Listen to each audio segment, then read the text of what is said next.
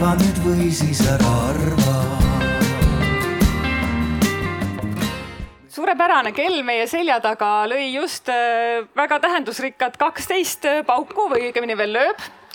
nii et äh, kõik, kes on äh, siin meie ala lähedal ja soovivad tulla kuulama arutelu teemal pensionipäevast, kas see on siis kõige lõpp või on see just vastupidi millegi algus, olete väga lahkesti oodatud ühinema siia tulevikualale ja, ja koos meiega sellel teemal kaasa mõtlema aga tõepoolest, kellapaugud meie jaoks tähistavad seda, et äh, arutelu algab ja mul on hea meel, et äh, kuulajad on siia ka küll pisut meie külje peale ja selja taha päikesevarju üksjagu juba kogunenud, nii et äh, mulle tundub, et me saame, saame algust teha oma tänase aruteluga. Ja Tartu Ülikooli Eetikakeskus ja Kasvulava OÜ on siis selle teema seekordsele Arvamusfestivalile välja pakkunud. ja see on tõepoolest sündinud sellises mõnusas koostöös kus on põimitud omavahel nii äh, statistika, isiklikud kogemused, tunded ja tajud selle ümber, mis äh, maailmas ja, ja meil siinsamas Eestis äh, toimub seoses pensioniealistega. Ja idee iseenesest sündis Euroopa kultuuripealinn kaks tuhat kakskümmend neli alaprojekti Maailmaülikooli teekorje raames nii et äh, ideid korjates tundub, et neid vahest tõepoolest võib koguneda päris paras hulk, nii et neid saab ka, jagub ka mujale ja, ja teistesse üritustesse.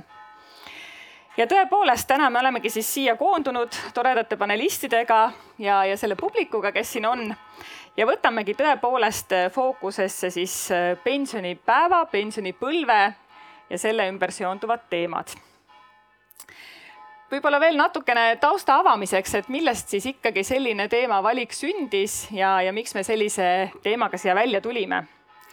ühelt poolt kindlasti on teema hästi palju seotud äh, meie isiklike kogemustega ja nii ka meie teema algatajate seas tajusime keegi ja teadsime, et, et meil on keegi lähedastest, kes on äh, pensionile siirdunud ja meil on sellega üsna erinevad kogemused, sugugi mitte kerged kogemused alati teiselt poolt vaadates seda, mis toimub meie rahvastikuga laiemalt, siis oleme me ju olukorras, kus äh, äh, meie rahvastik vananeb ja eakate osakaal on pidevalt suurenevas tempos.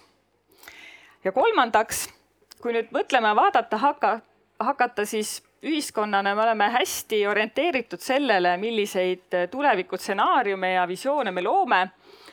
aga ometi ühel hetkel, kui me oleme jõudnud just sellise vanaduse ja eakate ja pensionäridega seotud teemade juurde, siis äh, sellist innovatsiooni ja uuendusmeelsust jääb justkui vähemaks. tõsi, tervise ja sotsiaalteemad on küll hästi kesksed, aga sellega ka selle teema käsitlus suuresti piirdub. ja täna ongi meie arutelu mõte eelkõige see, et äh, terviseteemad ja sotsiaalvaldkonna teemad me püüame jätta pisut kõrvale ja keskenduda võib-olla rohkem just sellele, mida saab teha inimene ise, mida me võib-olla ühiskonnas peaksime veidikene kohendama või hoopiski väga drastiliselt muutma, et äh, pensioneerumine oleks lihtsam ja et äh, pensionil oleks toredam olla. Praktilise info koha pealt nii palju, et äh, et on ikkagi arvamusfestival, siis meie arutelu sisse on põimitud ka need kohad, kus me ootame publikult arvamusi ja mõtteid, nii et äh, küsimused tasub endale meelde jätta ja salvestada ja ühel hetkel on meie publiku seas Triinu Laan, Tartu Ülikooli eetikakeskuse projektijuht, kes äh, neid küsimusi ka vahendama hakkab. ja teiseks, äh, et ikkagi nutikust ka natukene mängu tuua ja natukene sellist gallupilaadset arvamuskorjet ja, ja tajusid koguda siis äh, meil on ka Slido keskkond ühel hetkel tuleb mängu. Te näete seda aadressi ka siin äh, vasakul tahvlil. nii et nutiseadmed iseenesest on täiesti soovituslikud hoida enda lähedal ja ühel hetkel me siis äh, toome ka need mängu. aga siin lava peal ei ole mitte mina üksinda, vaid meil on siin neli ägedat panelisti, kes tänase teemaga on väga hästi haakunud ja kes hakkavad sellel teemal kaasa mõtlema nii et äh, saame meie panelistidega tuttavaks. ja meil on äh, siin kohe minu vasakul käel Siiri Toomik, kes äh, on Võru pensionäride päevakeskuse üsnagi vastne juhataja ja absoluutselt aktiivne pensionär. ja teemegi kohe hääleproovi ka ära. Siiri, ütle, miks on äge olla pensioniealine? tere Eh, sain selle küsimuse juba natuke varem kätte, et ei oleks nii väga rusikaga lagi pähe. ja küsimust uurides eh, pean ütlema, et sinna on sisse kirjutatud eh, väide juba a priori, et see on äge ja minu käest oodatakse nüüd seletust, miks see võiks äge olla aga ma arvan, et äh, mõni teine siin kohapeal ütleks, et jätke jama, mis ägedust saab olla pensionipõlves. et selles mõttes see küsimus sobib mulle, ma tean ka, mispärast see mulle esitati, et mina tõesti olen inimene, kes võib kinnitada südamel kus tahes, et äh, minu pensionipõlv on küll täitsa äge olnud. Äh, ma olen töötanud veel, ma töötan ka praegu ja kui ma selle viimase töökoha vastu võtsin, siis ma just mõtlesin, et kas see on nüüd väga äge võtta seda veel vastu või oleks nüüd aeg jääda lapitekke kuduma või nende peale pikutama. aga ma võtsin selle koha siiski vastu, sest tegelikult on pensioni põlve ägeduse juures muidugi üks asi, see on viies kuupäev, kui tõesti üks summa raha koliseb arvele. Eh, nii et sa nagu õieti ei ole selle heaks midagi eriti teinud, aga paraku teema, mida me vist täna ei puuduta, et see summa ei ole väga suur.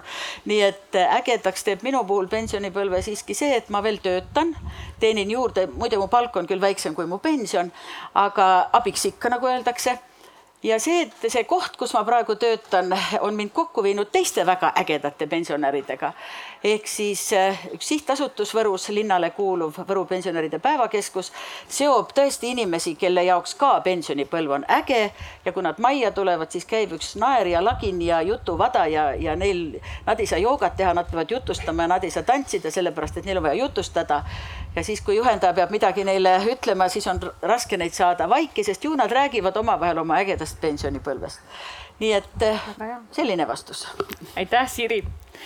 Meie meest, meespoole esindaja eh, Kulno Keskküla, kes on taastuvenergia konsultant, pensionieelikust IT ja maamees. Kulno, kuidas on tunne olla selline Eesti mees vahetult enne pensionile jäämist? Eh, tere ka minu poolt. et eh, jah, maamehena ma võtsin ka oma praegused tööriistad kaasa.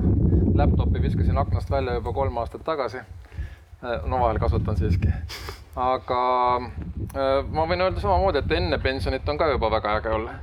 ja, ja, ja noh, sisuliselt mina juba kolmekümneselt mõtlesin, et no viiskümmend viis on see, kus ma enam kellegi teise jaoks tööd ei tee ja tahan teha neid asju, mis ma ise tahan teha ja tegelikult elu nii ongi läinud, et, et ma juba mõneti võiks öelda, et ma juba olen pensionil, aga ma ei saa pensionit. Aga nii, et ma ei, ei äh, kuluta oma energiat ja aega kellegi teise jaoks, vaid äh, iseenda ja oma pere jaoks, nii et ähm, ja, ja super mõnus on. aitäh!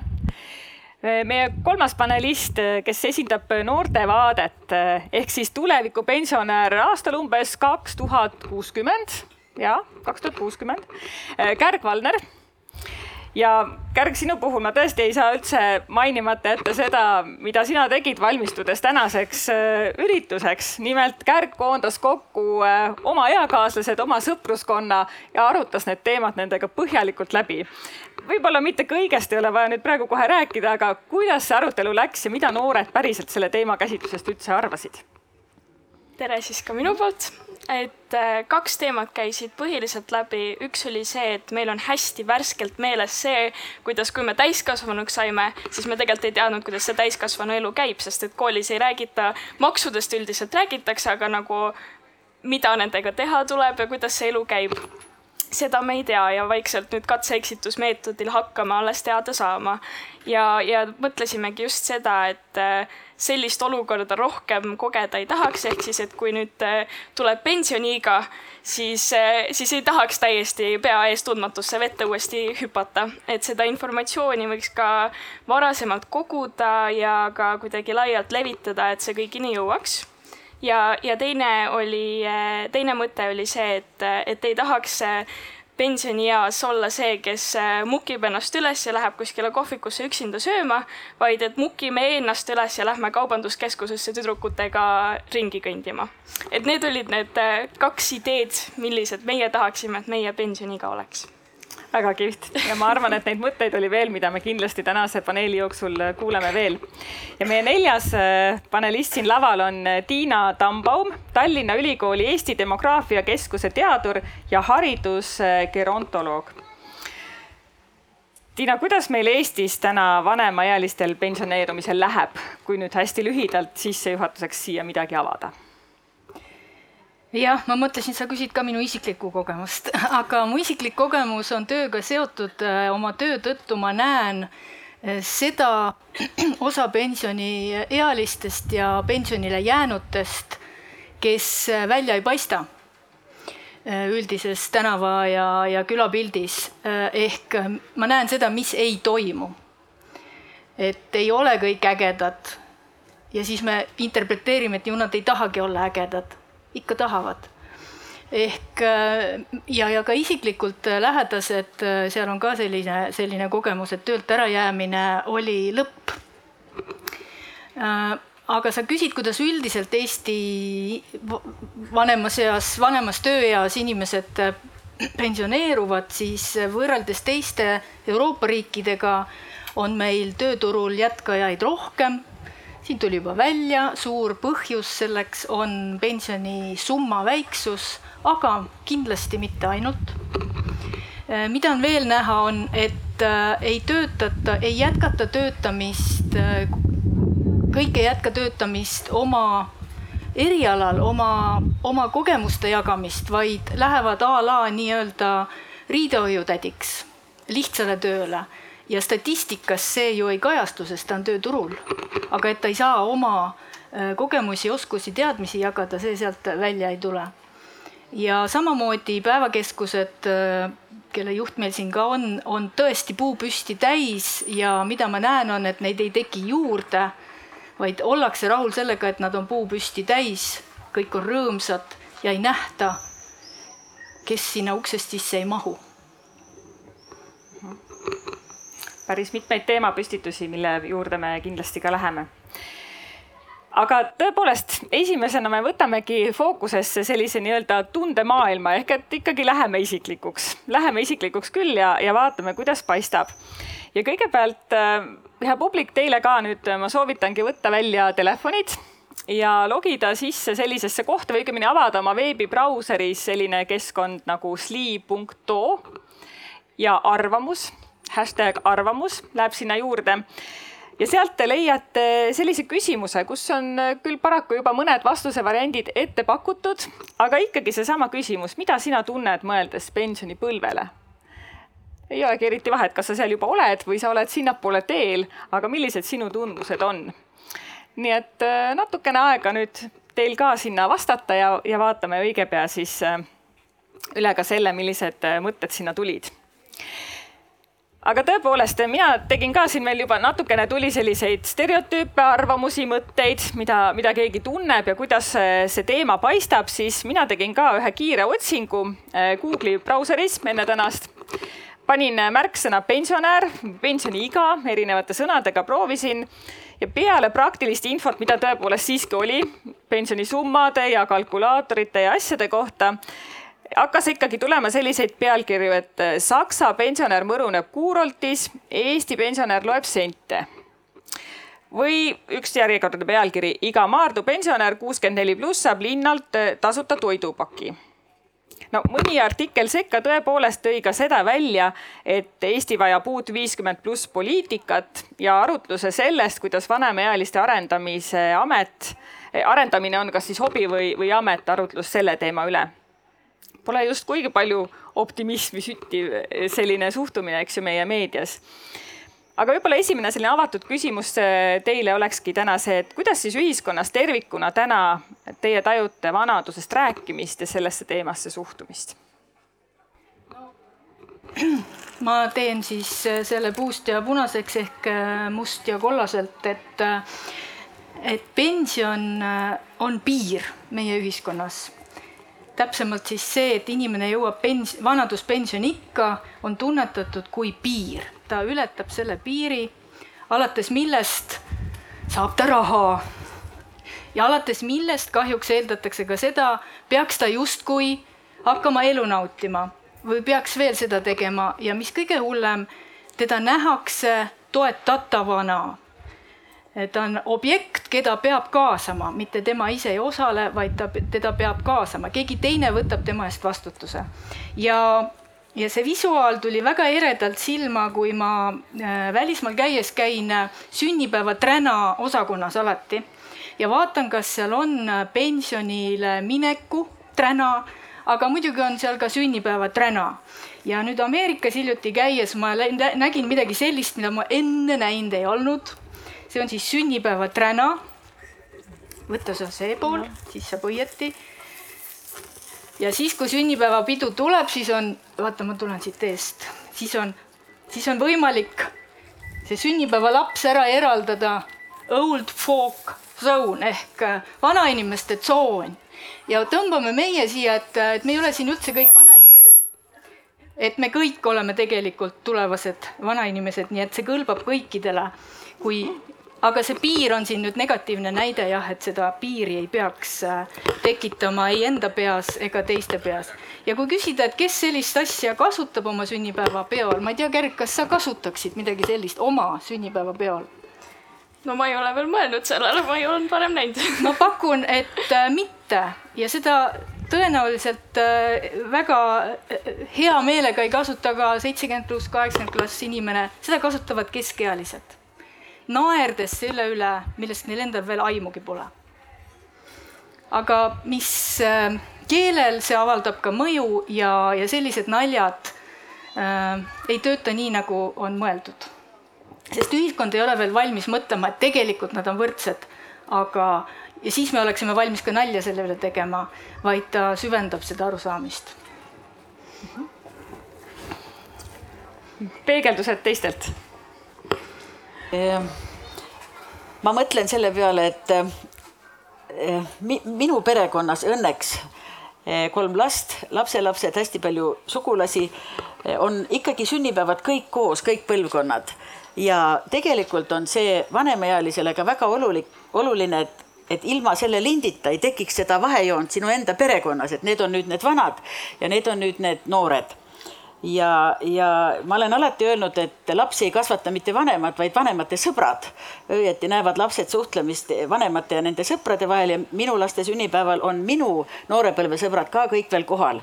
ja ma mõtlen, et jumal tänatud, et vähemalt selles seltskonnas, kus mina liigun, ei ole ei mõttelist ega reaalset sellist joont olemas. et me oleme seal vähemalt küll kõik võrdsed ja mille üle on rõõmsad nii noored kui vanad. ja minu jaoks on ta ei märka.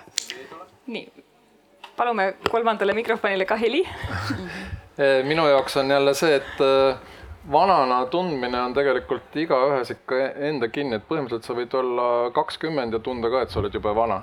või oled kaheksakümmend ja tunned ennast väga nooruslikuna.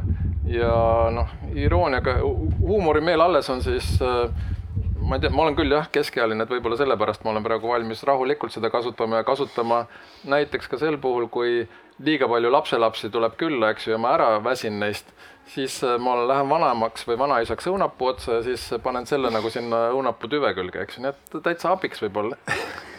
Aga noh, sellist räna ma ei toodaks muidugi, et see on nagu reostus. Nii, ja siis äh, ühiskonna suhtumistest veel, mida, Kärg, sina oled märganud? No ma hakkasin mõtlema sellele, et just sünnipäevadele, et päris selliseid linte meil küll ei ole, aga, aga kui kui mul kõik sõbrad-tuttavad kaheksateist said või noh, täisealiseks, siis ikka ma arvan, et iga teine soovis üksteisele palju õnne, pensionär, et noh, et, et selles mõttes mingisugused sellised naljad ikkagi sees on, aga samas ma ei tea, nii palju, kui mina olen arutanud äh,, arutanud tuttavatega, ma ütleks, et me kõik ikkagi ootame pensioniiga ja sihukest rahulikku elu ehk et täna tundub see selline, mis on roosiline ja kuidagi ja. oodatud, eks ju, et on aega ja selle ümber on mingi teatud äh, sellise ootusärevus mm. -hmm. aga ometi, kui see hetk kätte jõuab, ei pruugi see üldse nii lihtne olla mm. -hmm. ja võib-olla veel tuues siia juurde, eks ju, et, et nagu paralleelina, meile siin ette valmistades ka sattus kätte üks päris põnev raamat, kus toodi just raamat pealkirjaga Edukas vananemine, nii et julgeme siitpoolt korraldajatelt ka soovitada, et tasub täitsa sirvida ja seal tuli küll välja päris põnevaid märksõnu, et miks tõesti on hea vana olla, mis võib-olla just toetab seda noortevaadet. ma mõned võib-olla tooksin välja ka, et näiteks vanemad kardavad vähem saatuse lööke, võtavad uut päeva kui uut võimalust uuteks kogemusteks. siis ka see märksõna võib-olla, et isiksus võib muutuda igas eas, ka vanemas eas ja see üldse ei tähenda seda, et peab muutuma depressiivseks. täiesti vabalt võib ka positiivseks ja optimistlikuks jääda, kui, kui ka keskkond ja enda suhtumine seda toetab vanemaealised toovad enam kaastunnet maailma, kus on liiga palju empaatiavõime puudumist. ja üldsegi, mis me veel leidsime, on see, et vanemaealised on väga head seoste loojad just oma elukogemuste ja tajude pealt. nii et just mõtlesime selliste analüütikute peale ja, ja kõige selle peale, kus tegelikult just sellist seoste loomist ja, ja sellist äh, taju on väga oluline ju luua aga vaatame siis korraks otsa sellele gallupile ka, mille osalejad siin on äh, vahepeal meil täitnud ja välja toonud, milliseid märksõnu siis eelkõige on, on toodud.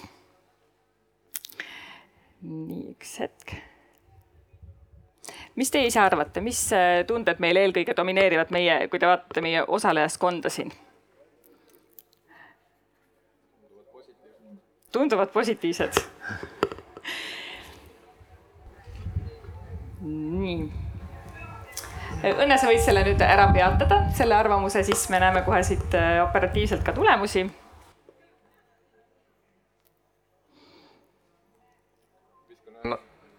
nalja siia vahele, et äh, kogemused, just kuulsin, et äh, kogemused on rumala tarkus. et see on ka et kogemusi tasub korjata. ei meeldi? väga hea siis on meil väitlust nii, minul on tekkinud siin väike tehniline tõrge ja minul need tulemused hetkel ei avane. aga vaatame kohe siit öö, otsa, mida me näeme.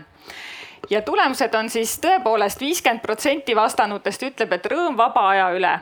kõige domineerivam vastus kolmkümmend protsenti vastanutest hirm sotsiaalse kõrvalejäetuse ees. ikkagi, et ma sotsiaalselt olen isoleeritud kakskümmend protsenti ütleb, et ilmselt ei saa rahaliselt hakkama. nii et kolm sellist äh, täiesti selgelt äh, välja toodud vastust. Äh, ootusärevust ei tunne keegi, kartust sattuda hooldekodusse ei tunne keegi, igavust ei tunne keegi ja võimalust, et saan perega koos olla, ka praegu siin arvamustes välja ei toodud. nii et tõepoolest sellised väga olulised märksõnad. mis te arvate sellest? selle vaba aja osas tuleb öelda, et mul on, oli suureks eeskujuks minu ämm ja äi olid eh, nüüd juba lahkunud, väga kõrges eas lahkusid väga aktiivsete inimestena, eh, väga elurõõmsatena. ja siis mul ämm ütles, et kui ta tööl käies jõudis veel millegagi valmis, siis kui ta pensionile jäi, siis polnud nagu üldse enam aega. et kuhugi see aeg kaob, võib-olla tõesti aja kulg vanema inimese jaoks muutub juba niisuguseks, et ja võib-olla ta on ka aeglasem, mida ei saa oma ämma kohta küll öelda et ähm, ja olen teisteltki kuulnud, et jah, väga loodeti, et nüüd, kui jään pensionile, on mul see oma aeg, teen sellega, mida tahan samas äh, tean oma eelmistest töökohtadest ja, ja kolleegidest, et olid mul, kes ütlesid, et nagu pensionipäev tuleb nii kohe, kohe päevaga ei taha enam olla tööl ja kui nii õudne, nii õudne. ja siis, kui see aeg hakkas ligise, liginema, siis oli tegelikult väga suur probleem äraminekuga. nii et tegelikult see sotsiaalse äh, keskkonna kadumine või see, et, et ma ei ole äkki enam kellelegi vajalik, osutub väga oluliseks, kui sul see päev on äkki käes, et sa peadki jääma koju. et see on raske ja ausalt öelda, siis see vaba aeg, mis sa saad sealt, see võib-olla see ei tundu enam üldse nii atraktiivne. ja, ja kui enne oli jutt, et mis see seltskond siin arvab, siis kui vaadata neid inimesi, nad on tulnud meid kuulama, neid huvitab see teema või vähemalt noh, tahavad ennast kurssi viia siis need inimesed, keda maailm huvitab, kes on, kes on millegi vastu huvitatud, siis uudishimu on ikka jube tähtis asi. et see, uskuge, hoiab teid kõiki, kes te veel jääte pensionile siit istudes, juba täna vaadates ütlen, et teist saavad väga kihvtid ja asjalikud pensionärid. et te olete tulnud nii aegsasti selle teemaga end kurssi viima et nii ta on, et ma tahan öelda, et on mõtted enne pensionile jäämist, siis natuke enne seda ja pärast pensionile jäämist, need võivad ikka väga kardinaalselt erineda, me võime väga oma seisukohti ümber kujundada olude sunnil ja mis tahes tingimustel. Äh, meil käis ka midagi sarnast läbi siis, kui ma enda eakaaslastega arutasin seda, et, et seda sellist kogukonna ja mentaliteedi kasvatamist tasuks alustada enne seda, kui pensionipäev kätte tuleb. et just sellepärast, et võib-olla muidu sa oledki harjunud seal töökeskkonnas ainult suhtlema inimestega ja väljaspool seda, sest töö ongi väga suur osa sinu päevast ja sinu elust, siis väljaspool seda ei olegi mingisugust sotsiaalset kogukonda, aga aga võibki juhtuda, et sa oled ainus, kes sealt, kes sealt pensionile jääb ja siis on väga kurb, siis ei saa minna niimoodi sõbrannadega kaupsi peale jalutama. jah, jah. Et äh, mul on üks lugu meeles, tõesti sündinud lugu, äh, riigiametis töötanud inimene, kes rääkis äh, paar aastat enne pensioni, vanaduspensioni ea saabumist, et oi, kuidas tema tahab pensionile minna, oi, kuidas tahab. Ja siis tuli üks koondamislaine ja juht ütles, et noh, kuna sa tahad ju kogu aeg oled rääkinud, tahad minna, et sa oled nüüd esimene, kes siis saab koondamise. Ja, ja loomulikult siis ta sai aru, mis rumalat juttu ta oli ajanud, mõtlemata, miks ta seda oli ajanud. ja ma soovitangi mõelda, et kui sul on tunne, et sa tahad pensionile minna ja eelpension on ju ka nüüd olemas ja ongi võimalik minna siis ikkagi, mis, mis on see põhjus, kas see on see põhjus, et äh, töö ei rahulda, et sa oled surmväsinud ja siis ei ole lahendus ju pension, vaid lahendus on töökoormuse vähendamine või, äh, või puhkuse võtmine. Äh, ja, ja selle jutu juurde tuleb meelde üks raadiouudis mõned aastad tagasi Ida-Virus perearst vanuses, no ütleme, et ta oli seitsekümmend ühel päeval oli uudis, et tema nimekiri on tohutult pikk, ma ei tea, kui pikk see tohutult pikk perearstil on, näiteks kaks tuhat viissada. Ja noh, uudis oli sellest, et Ida-Virus ei ole perearste. Ja paari, paari päeva pärast tuli uudis, et see konkreetne perearst siirdus oma väljateenitud vanaduspuhkusele. selline sõnastus täpselt, siirdus oma väljateenitud vanaduspuhkusele. mis mis mõttes siirdus oma väljateenitud vanaduspuhkusele, ta oli surm, surmväsinud, tal oli tõesti oma tervise pärast vaja lahkuda sealt, mitte minna väljateenitud vanaduspuhkusele. et, et siis, kui see tegu on tehtud, siis kogu ümbruskond noogutab kaasa, sa oled selle välja teeninud, nüüd sul on nii tore. aga enne ei saada aru, et tegelikult ta ei taha ära minna. ta see ei ole midagi välja teenitud ja, ja, ja see ei ole puhkus, äh, vaid mul on hoopis teised äh, vajadused rahuldamata tööl jah, ja ka sellise tempo pealt tegelikult see üleminek ilmselgelt ei ole ka seda ettevalmistusaega jäänud ju piisavaks, eks ju, ja see omakorda toob kaasa need ja. Äh, päris. huvitaval kombel jah, selle uudiste jadas oli näha, et see otsus tuli paari päevaga.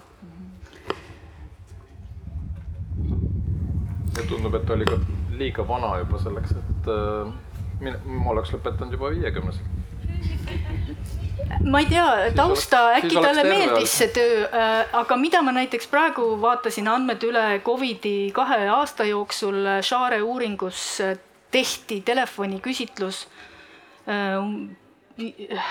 kolme tuhande kuuesaja Eesti viiskümmend pluss vanuses inimese seas, kes siis kuuluvad Share valimisse ja, ja, ja, ja ülejäänud Euroopa riikides samamoodi, kokku oli vastajaid üle viiekümne tuhande ja oli selgelt näha, et kes esimesel pandeemia aastal äh, kelle töötunnid olid vähenenud, kes oli koondatud või, või töökoormus oli vähendatud, see teisel pandeemia aastal oli suurema tõenäosusega pensionil. ehk see segadus äh, lahendatakse selle lihtsa lahendusega, mine pensionile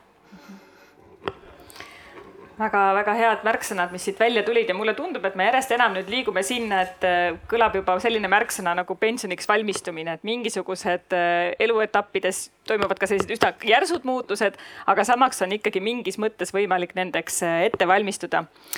võib-olla nüüd võtaksimegi mõned mõtted ja arvamused ka publiku seast siia kuulda. Ja küsimus olekski see, et kuidas teie olete pensioniks valmistunud, kas te üldse olete valmistunud ja mis te arvate, kuidas, kuidas selle valmistumisega siis lood on, mida teie isiklikult olete teinud? kohe võib käe tõsta püsti, kes soovib oma mõtte sekka öelda ja, ja Triinu kohe tuleb.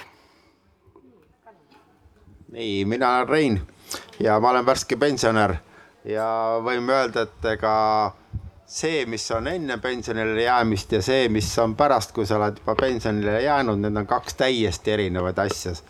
Ja ega see valmistumine väga hästi ei õnnestu, mul elasin ikkagi väga aktiivset elu.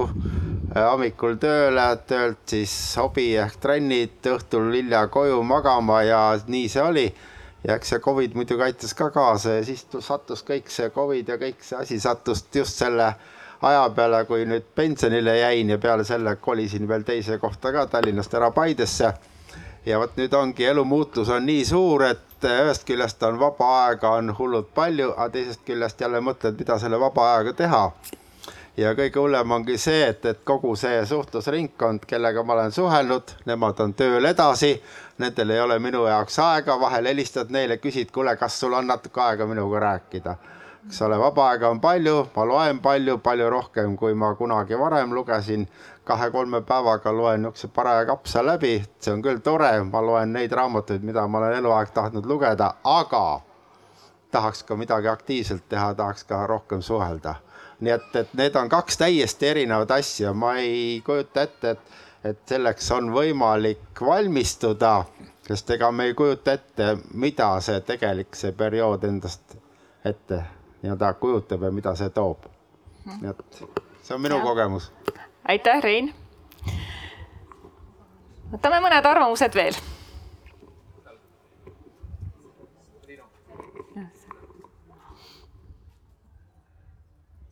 tere, minu nimi on Taimo ja öö, kõigepealt ma tahaks öelda, et tuleb hakata seaduse muutmisega peale.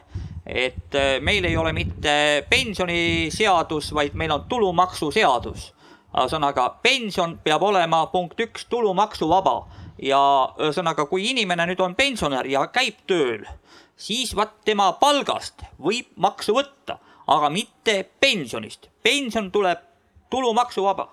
Ühesõnaga ja tuleb teha vastavad seadused, ühesõnaga nii ja lõpetada see Kallaste ja Lauristinide Eesti rahva röövimine. tähendab, mul pole mingit mõtet käia tööl, kui ma praegust olen, eks ole, võtan õppelaenu, siis mul on nelikümmend aastat eluasemelaen, ühesõnaga, ja kui ma lõpuks hakkan pensioni saama, siis ma olen ka veel maksuori Eesti Vabariigis. on hullem kui päris orjus nii et lõpetame selle päris orjuse, kõik see, mis ma siin praegu ütlesin, on tõde ja see tõde ei põle tuleski. lõpetame selle Kallaste ja Lauristinide Eesti rahva röövimise, aitäh. aitäh, aitäh selle arvamuse eest kas on veel peegeldusi ja mõtteid? nii, tuleb kaks kätt. ma tahtsin lihtsalt, tere, mina olen Õnne ja ma tahtsin lihtsalt Kärjele öelda, et äh, ma olen kolmkümmend ja ma ikka ei tea, kuidas täiskasvanu olla, nii et see ei lähe mitte kunagi üle. Ja, ja seal taga on ka üks äh, käsi korraks vilksatas. palun lehvitage uuesti. ei, ahah, kogemata. kogemata. ja. ma ütlesin, et järgmisest aastast ongi tulumaksuvaba keskmine pension Need, need, kes töötavad jah.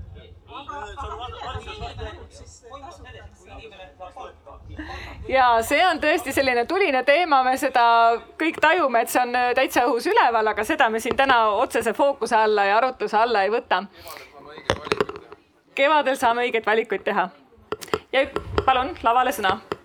et äh, Rein, aitäh kommentaari eest on ikka võimalik valmistuda ja siin Reinu juhtumis oli praegu kaks sündmust ühe korraga.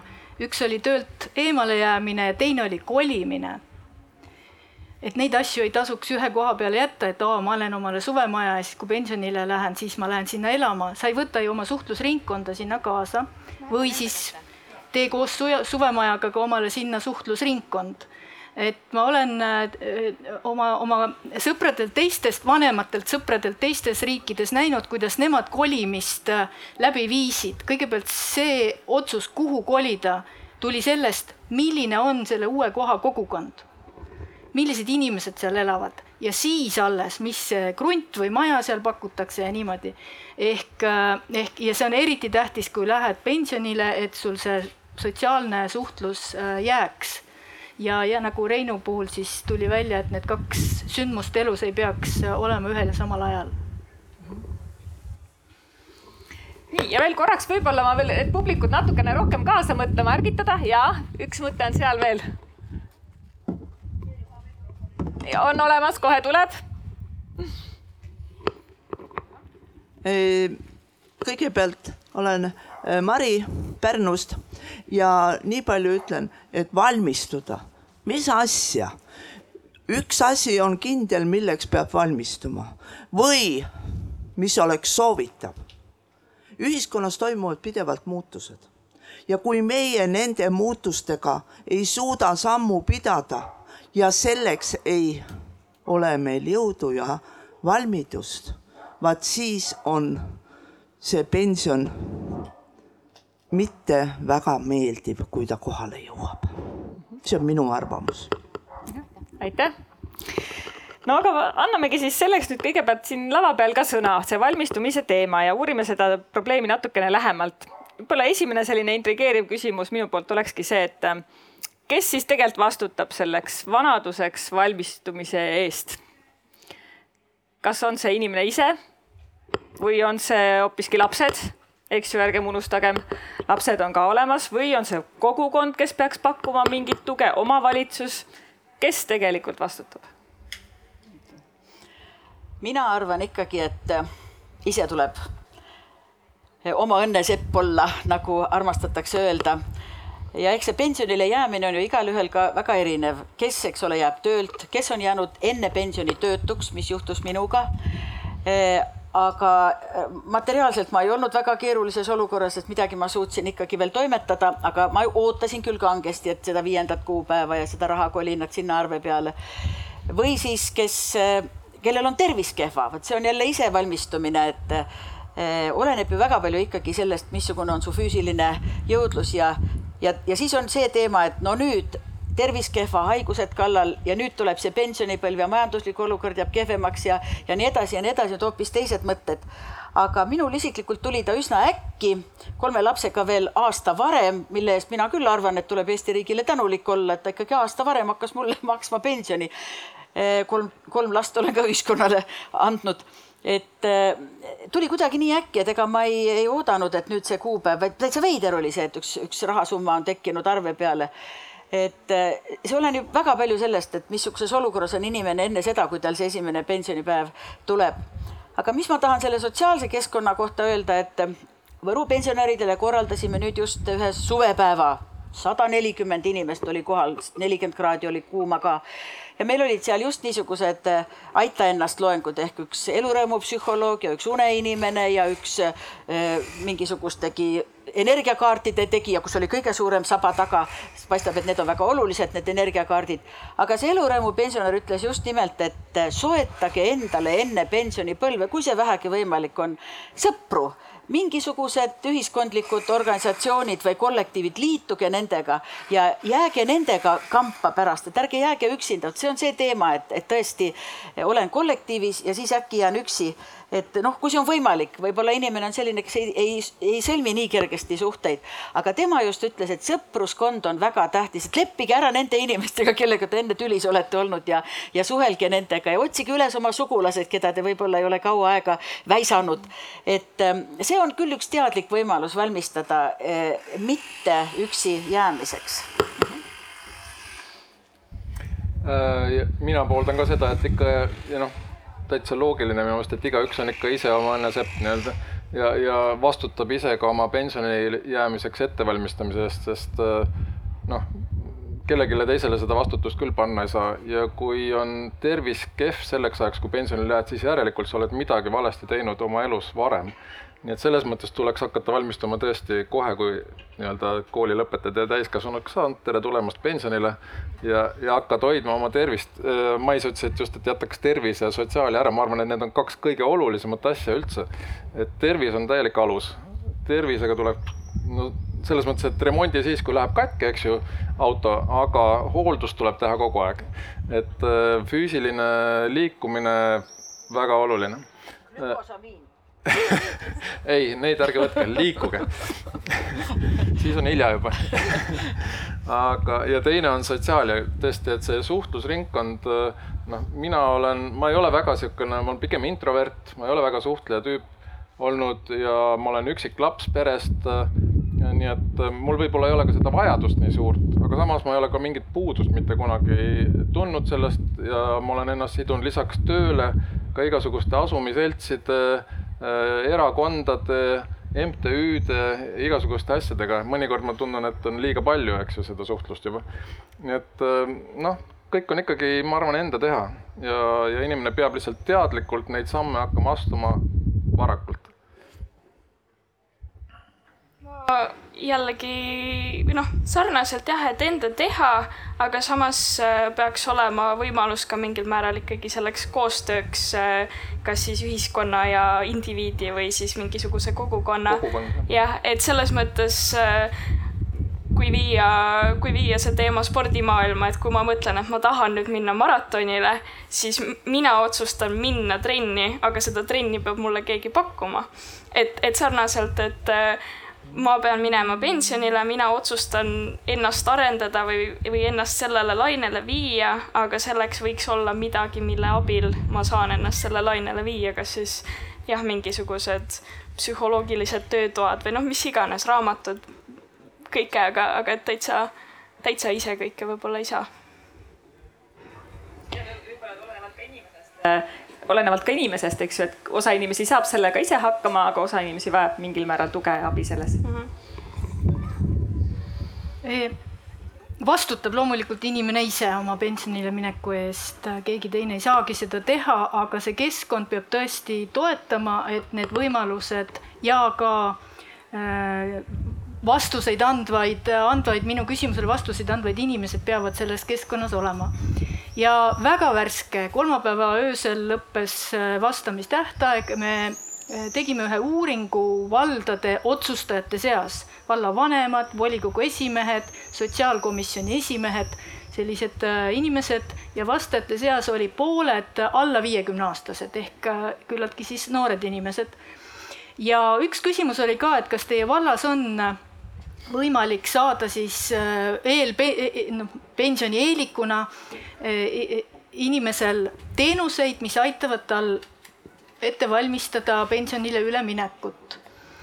Äh, ja, ja loomulikult mul oli isegi üllatav et, et üksteist protsenti vastajatest ütles, et on jah, sellised teenused, ma isiklikult pole isegi kuulnud. aga pooled ütlesid, et kui tullakse küsima, siis loomulikult meie vastame ma küsiks, et aga miks pooled ei, isegi ei vasta siis, kui tullakse küsima. ja kolmkümmend kolm protsenti ütles, et äh, selliseid teenuseid ei ole ja kuus protsenti ütles, et, äh, et ei tea.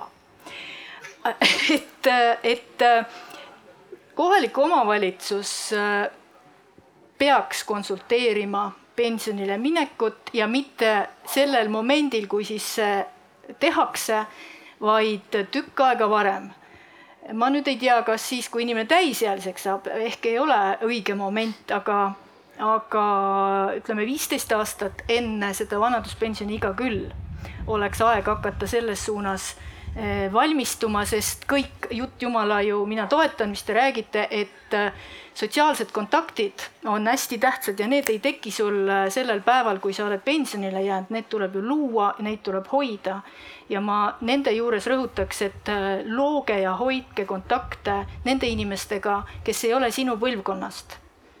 ehk rääkides pensioniealistest, siis looge ja hoidke kontakte noorematega täiesti praktilistel põhjustel. pluss saad ka olla kursis väga lõbusalt äh, kõige sellega, kuhu ühiskond areneb aga see iseenesest ei teki, sest omasugustega on palju mugavam äh, suhelda ja olla ja see ongi see teadlik äh, valmistumine. et äh, ma olen, ma ütleks äh, isegi, et ma ei ole introvert, ma olen tegelikult hingelt erak.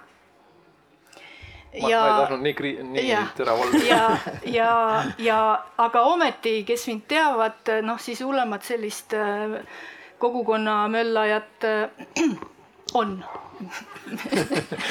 aga, aga noh, et kogukonnatööd teen ja see osaliselt on see teadlik otsus, äh, sest kui ma mõtlen vastupidi, et kui kogukond mind pole vastu võtnud, mul ei ole mitte kedagi, kes mind mõistaks, kes, kes mind aitaks, kui mul on vaja, see on õudne tunne ja meil on see Äksist, Äksis ma elan, et meil on Äksis selliseid inimesi, keda kodu, kogukond pole vastu võtnud. See on õudne, sa elad seal ja sulle, sa oled üksikul saarel mm. -hmm. nii et äh,. aga ju see... sa oled ise süüdi ka selles. siis no. aga kogukond peaks ikkagi mõtlema, et kõik elavad siin, et meil need pahad, kes ei sobi mm, -hmm. need ju ei koli ära. et me peame ikka kõikidele olema vana, vananemiskeskkonna loojad ehk et tegelikult veel võib-olla üks vahepeegeldus, et me räägime küll sellest, et sa vastutad ise, aga tegelikult need komponendid tulid täna siit välja. Ja ma ei tea, Kajage vastu, kuidas teile tundub, aga ma arvan, et äh, pensioneerunud vanemal on ikkagi mingi ootus ka enda laste suhtes, noh, tulevad sagedamini külla, tahavad minuga rohkem aega veeta, võtavad selleks rohkem aega. Share tulemus üle Euroopa näitab, et need, kelle lähisuhtlusvõrgustikus on lapsed, lähisuhtlusvõrgustikus nende eluga rahulolu on madalam kui need, kelle lähisuhtlusvõrgustikus ei ole tema lapsed. huvitav. madalam. sest lapsed nõuavad kogu aeg midagi. ma arvan, et see, ma arvan, et see tuleb sellest, et need lapsed saavad lähisuhtlusvõrgustikuks siis, kui sul on vaja kas tervise ja. pärast või millegi pärast ja. tuge. Mm. ja siis on su eluga rahulolu.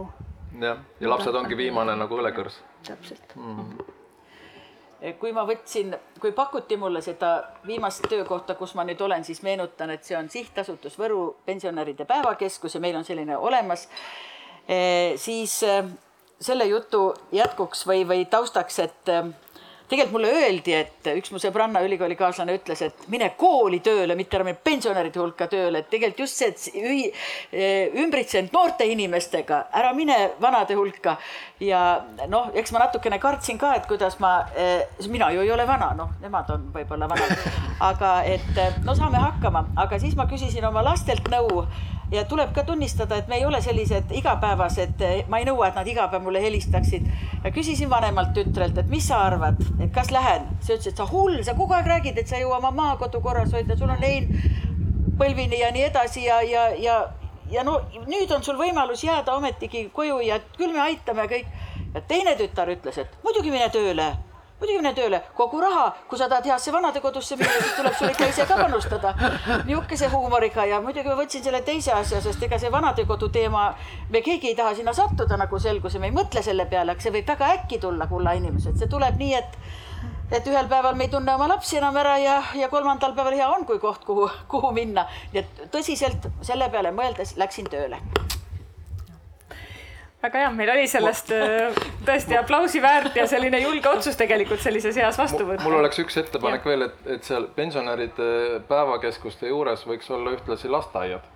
et siduda need kaks asja kokku, nii-öelda noored ja vanad ja kogemuste vahetamine ja teiselt poolt loetakse raamatuid näiteks ette vastastikku kusjuures, nii et Saksamaal sellised süsteemid ja Hollandis täiesti toimivad. kohe avame selle ettepanekute peatüki ka, aga ma tegelikult Kuno sulle tahakski enne veel sõna anda just selle noh, me seda pensionisummat ja seda raha teemat liiga palju ka nüüd siin avama ei hakka, aga ma tean, et sinul on selline ikkagi teadlik lähenemine alates kolmekümnendast eluaastast, ma saan aru mm., sellele finantsilisele ettevalmistusele võetud, et eh, jaga teistega ka oma mõtteid. ja et kõigepealt ma valisin noh, õige hariduse õigel hetkel, et õppisin raadioinseneriks TPI-s äh, ja tänu sellele sattusin telekommunikatsioonimaailma, mis muidugi siis, kui mobiiltelefoni asi alles pihta hakkas, astusin mina ka just täpselt sinna, nii et Eesti NMT võrku ma sulgesin ja GSM võrku avasin. Äh, ja noh, see andis muidugi nagu piisavalt hea finantsvõimekuse sel ajal, kui ma tööl käisin ja tei-, teise hea otsuse ma tegin sellega, mida ma soovitan, kui vähegi võimalik on inimestel, et käige Euroopa Liidus ka teistes riikides tööl, sest siis te põhimõtteliselt garanteerite omale vähemalt kaks rahvapensionit. ja, ja toimib väga ilusti, võite elada kus tahes, eks ju, Eestis kulutada, aga saate ka näiteks Soome või Saksa või kuskilt sealt ka pensionit. nii et äh, finantsiliselt saab niimoodi äh, noh, just sel ajal, kui tööl käia veel, ette valmistada ennast, pluss mida ma hakkasin kolmekümneselt mõtlema, et äh, ma pean tegema kõik investeeringud äh, ja suuremad kulutused ära selleks ajaks, kui ma saan viiskümmend viis just. et äh, kõik laenudest vabaks saamised, liisingutest vabaks saamised, kulude nii-öelda allaviimine pensioniajaks, et see on teada, et tulud vähenevad, järelikult kulud peaks viima no tõesti miinimumi ja kui jääb raha üle, siis saab reisida. ja meie tegime kalkulatsiooni, igatahes no alguses me arvasime, et me saame kahekesi hakkama niimoodi ütleme tuhat eurot per nägu aga praegu ma ütleks, et me saame viiesaja euroga kuus rahulikult hakkama, kui me ei investeeriks ja ei reisiks. nii et tegelikult ei, mina küll ei saa öelda, et Eesti pension väike on. et kui teha need vajalikud sammud ette ära, valida õiged elukohad, meil on nüüd ka maal kolm aastat, kasvatame ise söögi omale enam-vähem, naabritelt ostame seda, me ise ei kasvata. päikesepaneelid panen nüüd kohe veel katusele ära. Nii et ja noh, oluline on, et sul on peavari, et sul on äh, puhas vesi. Saada ka sel juhul, kui elektrit ei ole.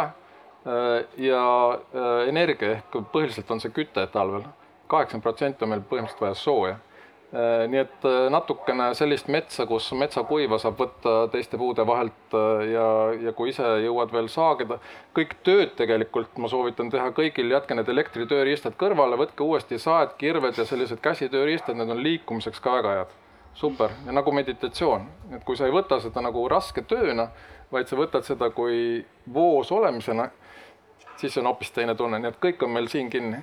jah et selliseid häid näpunäiteid nüüd tuli siit, eks ju, et äh, pika rohu üle tasub rõõmustada ja suvi selleks annab meil praegu ka võimaluse. just aga meie kolmas vaade täna siin arutelul on tõepoolest selline lahenduse ettepanekute vaade ja me nüüd võiksimegi sinna suunduda, siin juba mõningad mõtted ja ettepanekud hakkasid tulema.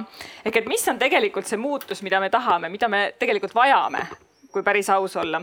sest võtsin ette ka Eesti heaolu arengukava ja mõned märksõnad, mis ma sealt veel välja tõin ja mis seda tänast olukorda Eestis iseloomustavad näiteks võrreldes teiste Euroopa riikidega iseloomustab Eesti eakaid suhteliselt vähene sotsiaalne kaasatus. ehk et suhteliselt vähe me ilmselt siis võtame ja, ja kuulame eakate inimeste arvamust võrreldes Euroopa eakaaslastega on vanemaealised ühiskonda oluliselt vähem kaasatud, sealhulgas osalevad vabatahtlikus tegevuses ja poliitikas ning tegelevad vähem hobidega. jällegi võrdluses Euroopaga, eks digipädevuse puudumine ajal, kui arvutikasutus on kujunenud igapäevase elu osaks, piirab vanemaealiste ligipääsu ja no tegelikult, kui see nüüd ka ikkagi veel ei veennud, et meil on vaja sellele teemale rohkem tähelepanu pöörata, siis äh, ka selline nii-öelda mõttevälgatus, et eakate kõrvalelükkamise mõjud ja ka kulud on tegelikult ülis, ühiskonnale üsnagi suured ja, ja märkimisväärsed, mida välja tuua ehk et nüüd võikski siit edasi minna, et kas päriselt ikkagi prillidoosist ja mõnest päevakeskusest, mis meil tegutseb, juurde mõned ka tantsuringid, lauluringid, mis tunnistagem, teenib ikkagi üsnagi kitsa spektri inimeste huvisid. kas sellest ikkagi piisab või peaksime me hoopis täna võtma fookuse sellele, et tuleviku pensionär saaks endale need oskused ise tegevust luua, ise algatada, midagi ellu kutsuda? või, või ei olegi midagi ikkagi teha vaja? Ja veel natukene mõtlemisaega panelistidele ja kutsun üles jälle meie kuulajaid minema sinnasamale aadressile. ja seal on avatud selline ettepanekute küsimus, nii et teie ettepanekud on ka sinna oodatud. ja need, kellel nutiseadet parasjagu käepärast ei ole, siis teeme väikse sellise mikrofoniringi ka õige pea juba, kus saab oma arvamuse sekka öelda. nii et äh, millele me siis fookuse võtame, mis te arvate? mida päriselt on vaja teha, mida on vaja muuta?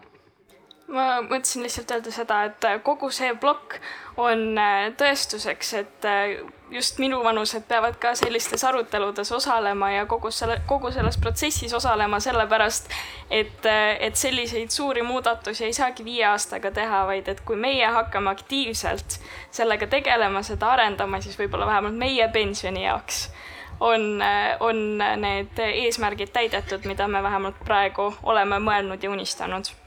jah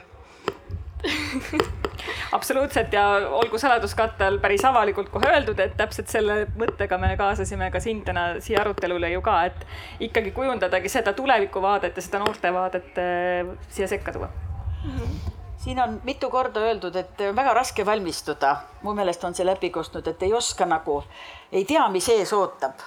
Et just nimelt, et, et täiskasvanuks saades ka ei oska nagu ette öelda, mis tuleb ja pensionile jäädes ka. et siis võib-olla oleks selleks, et tuleviku pensionäridel oleks lihtsam, vaja praegu väga analüüsida, et millest Eesti pensionäridel siis puudus on, neid küsitleda, mida nad siis tahaksid teha tegelikult kunstlikult tekitada mingisuguseid struktuure või organisatsioone on ka nagu naljakas, turumajandus iseäranis ei armasta mingisuguseid tekitamisi, vaid turumajanduses asjad tekivad, kui nende järele on, vabandust, vajadus. et eh, ka inimene väga ei tea, võib-olla ütleme tõesti viis, viiskümmend viis juba võib-olla teab, et millega ta tahab kuuskümmend viis tegelema hakata, aga väga noor inimene ei kujuta nagu ette milliste hobideni ta on selleks ajaks jõudnud ja mis klubid ja mis seltsid ja mis lauluringid tal võiksid siis olla, kuhu ta läheb. Ja tegelikult need, kes on aktiivsed ise algatama, need tegelikult algatavad nii ehk nii aga tegelikult on probleem ikka nendes, nagu ka jutt on, et on väga paljud, kes tegelikult ei jõua ühessegi päevakeskusesse ega ühessegi ringi ja kes istuvad kodus ja on ülimalt nukrad ja arvavad, et selles nukruses on ühiskond süüdi ja kõik, kes. ja ma tsiteeriks eh, meie eh, saali mikrofoni omanikku Triinu Laand, kes täna hommiku siia sõites mõtles välja väga hea asja, et kui me räägime tervelt elatud aastatest, et see on väga oluline ja praegu on võetud just see, et kaua ma olen terve noh, suhteline lugu, mis kellele haigus, mis kellele tervis. Äh, aga et võiks olla, et äh, muretsemata elatud aastad, et kui kaua ma jaksan olla niimoodi vingumata ja muretsemata. et see on võib-olla ka mingisugusegi taseme näitaja et kas selleks saab nüüd valmistuda või on see kuidagi fataalne, et kui pensionile jään, otsekohe kukun muretsema ja, ja, ja hädaldama, on ka iseküsimus, aga, aga kui ma praegu mõtlesin, et mida oleks vaja noh, ütleme, et tõesti sinna meie tantsu- ja lauluringidesse ka kõik ei mahu. et võib-olla üks teine selline sihtasutus või päevakeskus võiks Võrus täiesti veel olla. siis ma tegelikult praegu nagu ei oska väga öelda, et mis ma Võru pensionäridele võiksin välja mõelda veel. noh, ei oska praegu, et tegelikult peab vist äkki küsima, mida nad tahaksid mm. -hmm. aitäh võib-olla on ka mõningaid teiste riikide praktikaid tuua, mida kuskil on tehtud ja mis on hästi toiminud Eestis oleks vaja luua hoopis teistsugune foon sellele osale elanikkonnast, kes on siis vanemas eas. et see praegune suhtumine on ikkagi selline patroneeriv, siit käis ka läbi, et mine ema pensionile, küll meie sind aitame. miks ma järsku äh, muutun aidatavaks? Äh, selline patroneeriv, et me teeme sinu jaoks meie kutsume sind sellesse, mis meie oleme välja mõtelnud sinu jaoks. et äh, ära tee minu jaoks, vaid tee minuga koos ja kasuta seda, mida mina oskan, ma tahan normaalse elu osa olla, nii nagu teises vanuses inimesed. ehk see tee teistega koos, teistega, mitte tee, ära tee teise jaoks nii et äh, see on ikka päris, päris hull asi, nii perekondades me nagu parimat tahtes äh, rikume ära oma vanemate elu. Covidi ajal tuli see eriti välja, me vedasime seda, noh, ma nüüd utreerin me, aga no ütleme, keskealised vedasid äh, vanematele, vanematele koju, keelasid neid välja tulla ja siis pool aastat hiljem, kui ta, inimene tuli toast välja ja läks poodi, ei oska enam pangakaarti ka kasutada, sest aju on selline, et mida ei kasuta, see kaob. et sa pead toetama niimoodi, et asjad ei kaoks ajust ära ja laskma teha ja seesama näide, et, et saagige oma puud äh, käsisaega. see ongi kõige, kõige, kõige raskem on seda pealt vaadata kõige raskem on lastel seda pealt vaadata, kuidas vanad inimesed saevad käsisaega pakke. ja neil tuleb seda lasta teha, neil tuleb lasta neil ise poodi minna ja õpetada, kuidas ennast kaitsta, ma ei tea, pahalaste ja viiruste eest, mitte eest ära teha. et, et sellest tuleb lahti saada ja mida täna, kui me räägime pensionist, siis mida me ei ole puudutanud, on tööandjad et tööandjad võiks ka võtta teistsuguse suhtumise nendesse töötajatesse, kes nende juurest on pensionile läinud. ja eriti tähtis on see nendes töökohtades, kus on ametid, milleks on vaja palju õppida, ehk see amet on nagu inimese identiteedi osa. no ma arvan, et sul ka on nagu IT on sinu identiteedi osa, ei ole. aga no ütleme, õpetajad või arstid või kus sa oled suure osa elust äh, seda ametit omandanud ja sa oled pidanud ennast selle ameti kandjaks ja see identiteet on sulle oluline.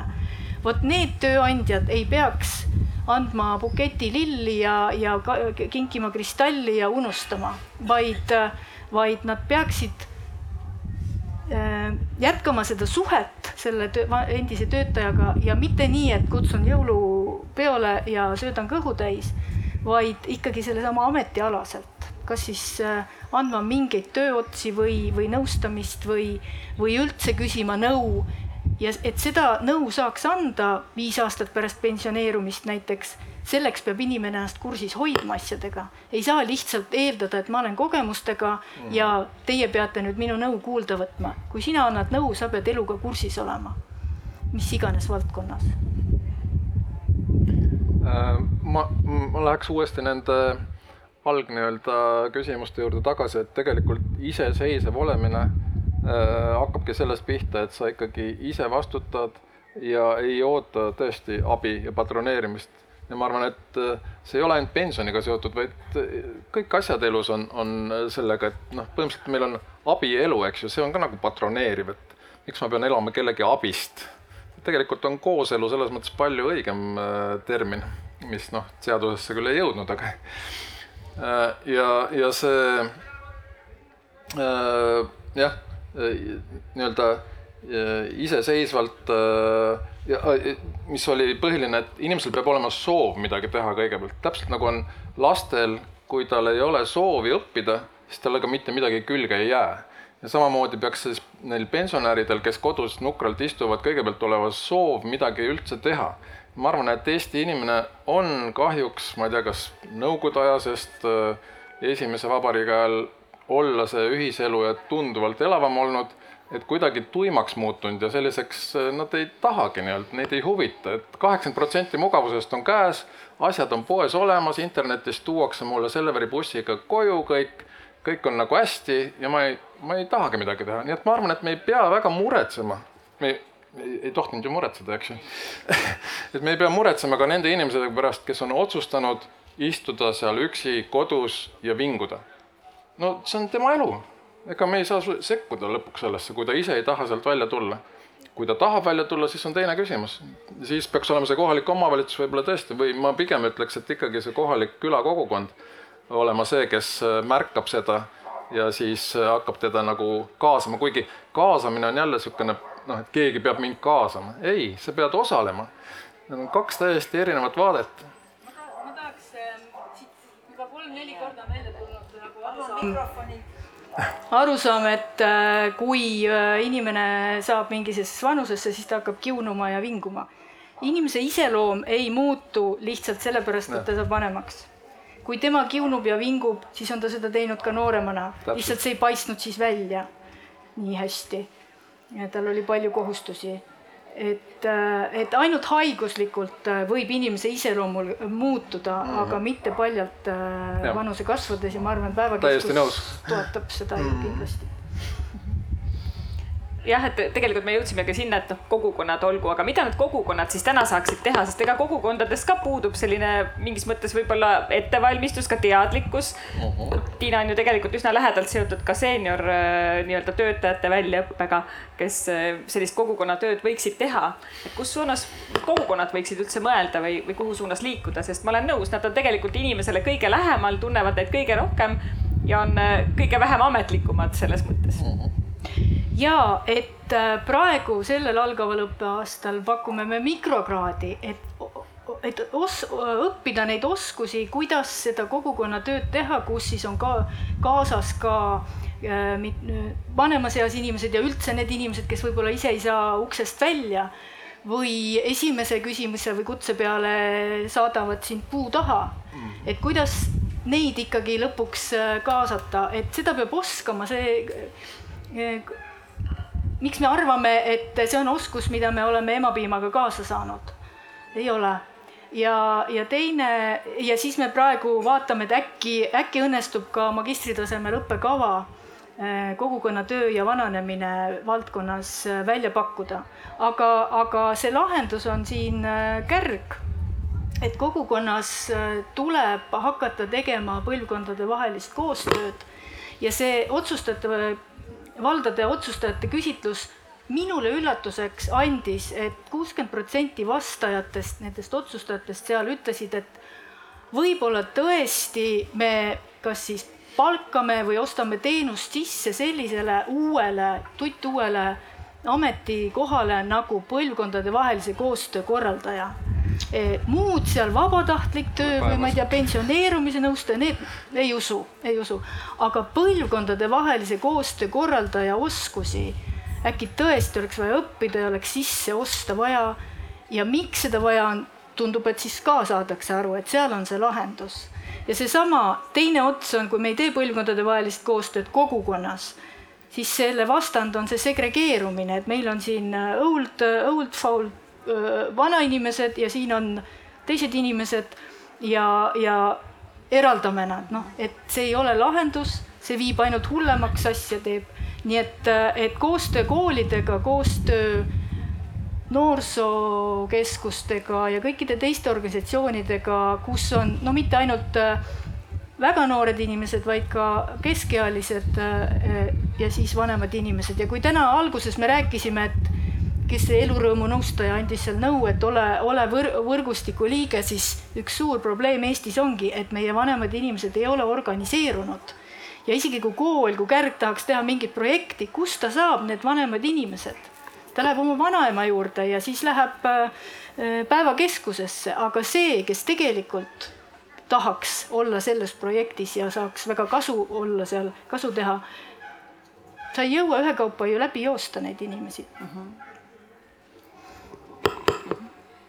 et äh, selle esimeseks sammuks võikski olla võib-olla eakate ja noorte kaasamine erinevates otsustusprotsessides a la omavalitsuse tasemel Äh, nõukogudes, volikogudes, igal pool selles mõttes, et, et see on tihtipeale koht, kus need ideed sünnivad.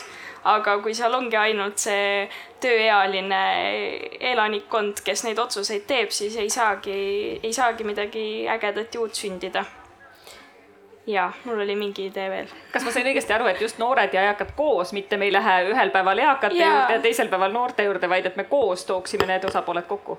ja, ja et see olekski sihuke või noh, see ongi normaalne ja, ja naturaalne, et, et ei, otsuseid ei tee ainult täisealised, tööealised -hmm. vaid äh, kõik on inimesed. No äh, Kärg vist teab, et Tartu vallas äh, praegu katsetatakse Nova komisjoni ehk see on siis vallavalitsuse komisjon, kuhu kuuluvad kuusteist kuni üheksateist aastased ja kuuskümmend viis pluss vanuses inimesed ühte komisjoni ja selle all on siis kogukonnas osalemise paradoks ehk mm -hmm. need kaks gruppi veedavad kõige rohkem aega selles äh, vallas, selles kogukonnas ja neid kõige vähem küsitakse. Ja, ja just, et see ühises ko äh, ko komisjonis koos olemine on ju ainus võimalus, et nad üksteist näeksid mm -hmm. ja, ja üksteist tundma õpiksid. ja selle komisjoni väga tähtis kriteerium on veel see, et see, kes liige on, palju neid siis ikka seal on, kümme inimest kokku temal oleks võrgustik taga, et ta tuleks mitte oma arvamusega, ei esindaks ainult iseennast, mida väga tihti teevad just vanemad inimesed. Ja, ja, ja samas ka siis viiks selle info ja, ja otsustamise oma võrgustikku. nii et katsetame, vaatame, kuidas hakkab minema.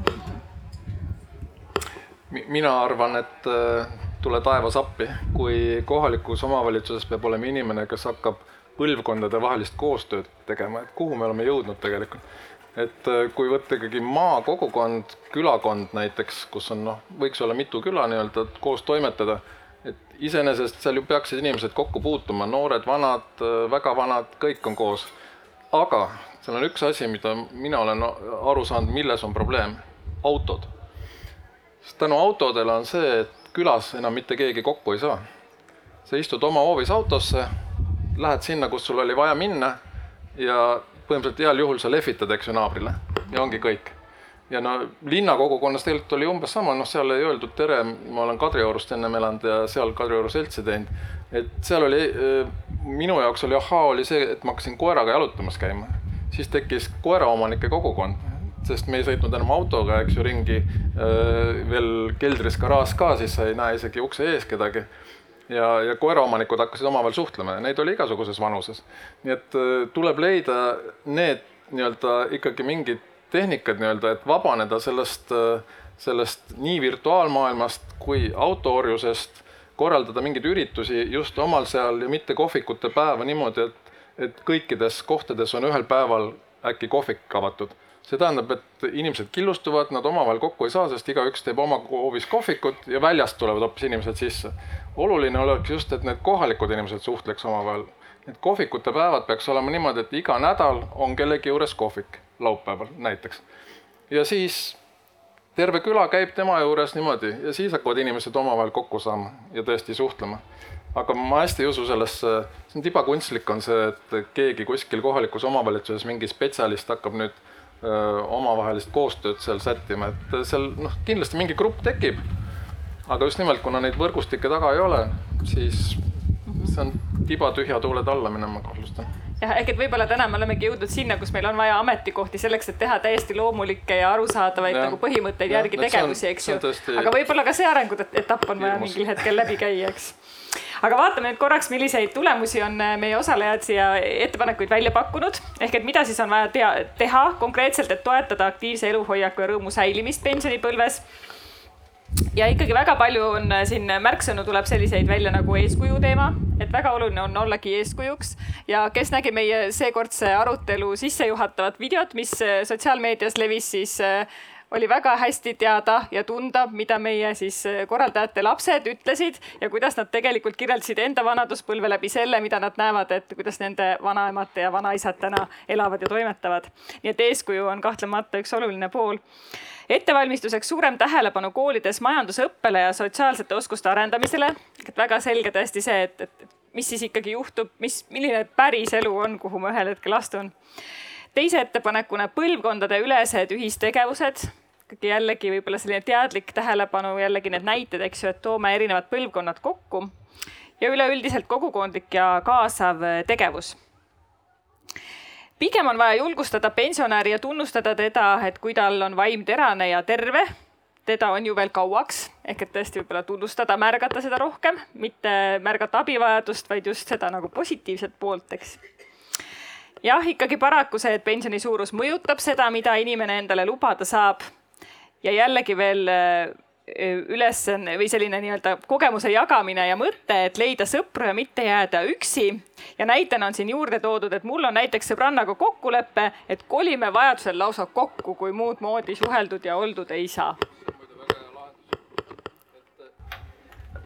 Äh, see on hea lahendus kokku, kokkukolimine, eriti just äh, linnas. ma tean täiesti elulist näidet Tallinnas, kus äh, kolm daami, kellel kõik elasid kolmetoalistes korterites Tallinnas, müüsid selle maha, kaks tükki müüsid maha, kolisid ühe juurde ja kõik selle raha siis nüüd kulutavad, käivad kaubanduskeskustes, eks ju, rullaatoritega jalutamas, nii et jube hästi, noh, seda võiks maal ka niimoodi teha tegelikult. Nii, aga me oleme nüüd sealmaal, et anname kohe korraks panelistidele hetke, et äh, võtta lonks vett ja mõned küsimused, äh, mõtted veel publikust äh, siia üsna arutelu lõpuosasse. Ma küsisin kohe siit eest, ma saan ise ütelda, ise oma kätte mikrofoni ja tulin sellepärast siia, et nägin oma endine kolleeg Siiri on siin. ja ütleks niimoodi, et natuke Paide taustal ka. esiteks ei ole vaja ajada taga autot, et auto on. minu masin seisab seal ja kurat, igale poole saan sõita ja ei maksa kahte tuhandetki. saab kõik kohad läbi käidud ja saab ka naabri juurde minna, kui vaja on. Teiseks on nüüd selline asi, et mina võiks öelda, et see noh, tähendab vanusevaheline ühi-, ühistöö või see väga hästi edeneb. ja veel on huvikeskus koos kunstikooliga ja sealt võin tuua lausa näite, et meil on seal eraldi ring eakatele keraamikaring ja mul oli kogemus kahe vanema prouaga. Noh, ma olen seitsekümmend viis, aga nad olid natuke vanemad, üks oli vanem, teine natuke noorem. Nemad, ah meie ei tule kodust välja, ei tule, rääkisin mõlema tütrega läbi, et osta emale kolmeks kuuks keraamikaring nüüd ootavad juba teist aastat sügist, oi, me tahame ringi tulla, nii äge on. No niimoodi saab välja petta kodus ka inimesed, algul olid, ma ei tule, tule minuga koos, lähme koos. Ja no kõik sai tehtud niimoodi. Ja siis, mis puutub omavalitsustesse, siis nendega ütleks küll niimoodi, et kõik sõltub sealsest inimesest absoluutselt sõltub inimesest. koroona ajal sain mina, kui öeldi, et, et kutsuge, laske omavalitsusel üksikul vanuril toit koju tuua. vastusele öeldi niimoodi, et kus te elate? oi, teil on sada meetrit pood, saate ise ka minna. Õnneks see enam seal ei tööta ütleme niimoodi, aga praegu on seal väga toredad ja töö suhtes võin öelda, et see töökollektiiv, kellega ma praegu koos olen, see on Paide Muusika- ja Teatrimaja, see on super. meie juht oli eelmine, väga tore, praegune on super, ta hoiab täiesti veel mind seal paigal, ütleb, et on vaja sellepärast, et laulupeo raamatule on vaja teist osa ka pärast Viidaleppa kirjutada ja, ja on tuba koht olemas, kus töötada ja tööd teha, nii et sinna ma olen vedanud oma noorkotkad ja kodutütred. Need käivad mul seal, nii et side on olemas, kui ise tahad, on olemas ja kui noored tahavad, on olemas, nii et ma arvan, et kõik sõltub inimesest endast ja kui ta juba koolilapsena on viriseja, siis ta jääb pensionärina ka. Aitäh! Tere, mina olen Triin ja Paidekas. Ja tahtsin mainida, et on olemas selline suurepärane võimalus, värske algatus nagu vabatahtlik seltsiline, mille eesmärk on siis tuua sotsiaalhoolekande kõrvale tugitegevus. Ja praegu ma siin mõtisklesin, et juba mitmel inimesel on olemas nagu lahendus, kuidas siis tuua kas noori vanadega kokku või siis vanadele, kes on just Paidesse kolinud tegevust. ehk siis see pro programm tegeleb sellega, et inimesed, kes on jäänud kuuskümmend viis pluss või erivajadusega inimesed, kes on jäänud üksikuks, neil on igav, vaja jalutada, vaja vestelda, siis selleks kutsume üle terve Eesti siis appi vabatahtlikke ehk siis sama vanad kui Kärg võivad tulla juba vabatahtlikuks ja suhelda eakatega siis värskelt Paidesse kolinud Rein võib tulla samamoodi vabatahtlikuks. ja, ja samamoodi võiks olla see ka lahendus päevakeskustele, et kui te ütlete, et võib-olla mõnel proual oleks vaja veel tegevust, siis noor pensionär sobib sama hästi vabatahtlikku. just, aitäh mm. -hmm. aitäh väga heade soovituste eest. Meil oli veel seal, kas võib anda veel ja, sõna? palun, ja ma ütlen veel vahele oma lühikese kommentaari, et minu sõbranna jäi just pensionile pedagoogina ja pedagoogi erialalt ja siis tema otsustas, et ta ütles ka muideks nagu Kulno sina, et viissada eurot on täiesti piisav, et ta ei taha, ta ei otsi paaniliselt raha eest tööd, vaid ta tahab teha, teha vabatahtlikku tööd, mis talle korda läheb. tema siis mina astusin hiljaaegu Naiskodukaitsesse, ta küsis, kuule, kas mind ka võetakse. küsis järgi, vaatas, uuris ja võeti, ta võeti Naiskodukaitsesse, ta on seal aktiivselt tegev praegu. sellega ta asendas oma siis endise pedagoogide kollektiivi, et lisaks oma perekonnale, nii et selline näide. annan edasi kohe. tere, minu nimi on Enn, seitsekümmend aastat Paidekas ma tahtsin oma kogemuse rääkida, et kuidas mina pensioniks valmistusin. mina töötasin Paide autobaasis üle neljakümne aasta ja aastal kaks tuhat kolm alguses tekkis mul mõte, kuna viimased kümme aastat olin ma omale tööd otsinud ise, et ostaks selle kraana ära ja hakkaks ise tööle. ja niimoodi oli siis kakskümmend kolm november kaks tuhat kolm ostsin selle kraana ära. ma ei olnud veel pensionär, mul oli pensionini kaks aastat aega. ja nüüd ma olen teinud seda tööd siis kuni tänapäevani, üheksateist aastat oleme olnud üksikettevõtja ja minule läks küll tõesti see pensioni üleminek selles suhtes lihtsalt, et ma tegin sellise julge otsuse, alguses oli hirm küll nahas, et kuidas ma toime tulen, ma pean ise remontima, kütuse ostma. aga mul on see läinud niimoodi ja nüüd ma nii olen teinud, nii et, et minul läks tõesti see asi väga libedalt. aitäh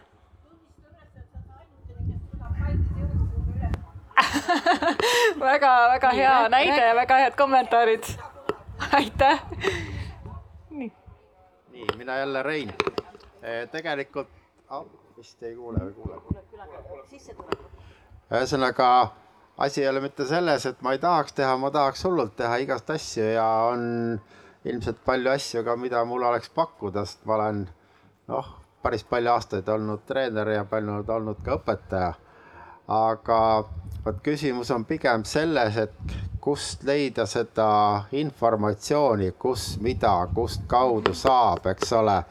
no näiteks ütleme, paljudel juhtudel on ka rahas küsimus tahaks avada näiteks ütleme mingisuguse koha, kus saaks teha näiteks massaaži, kus saaks võimelda ja nii edasi.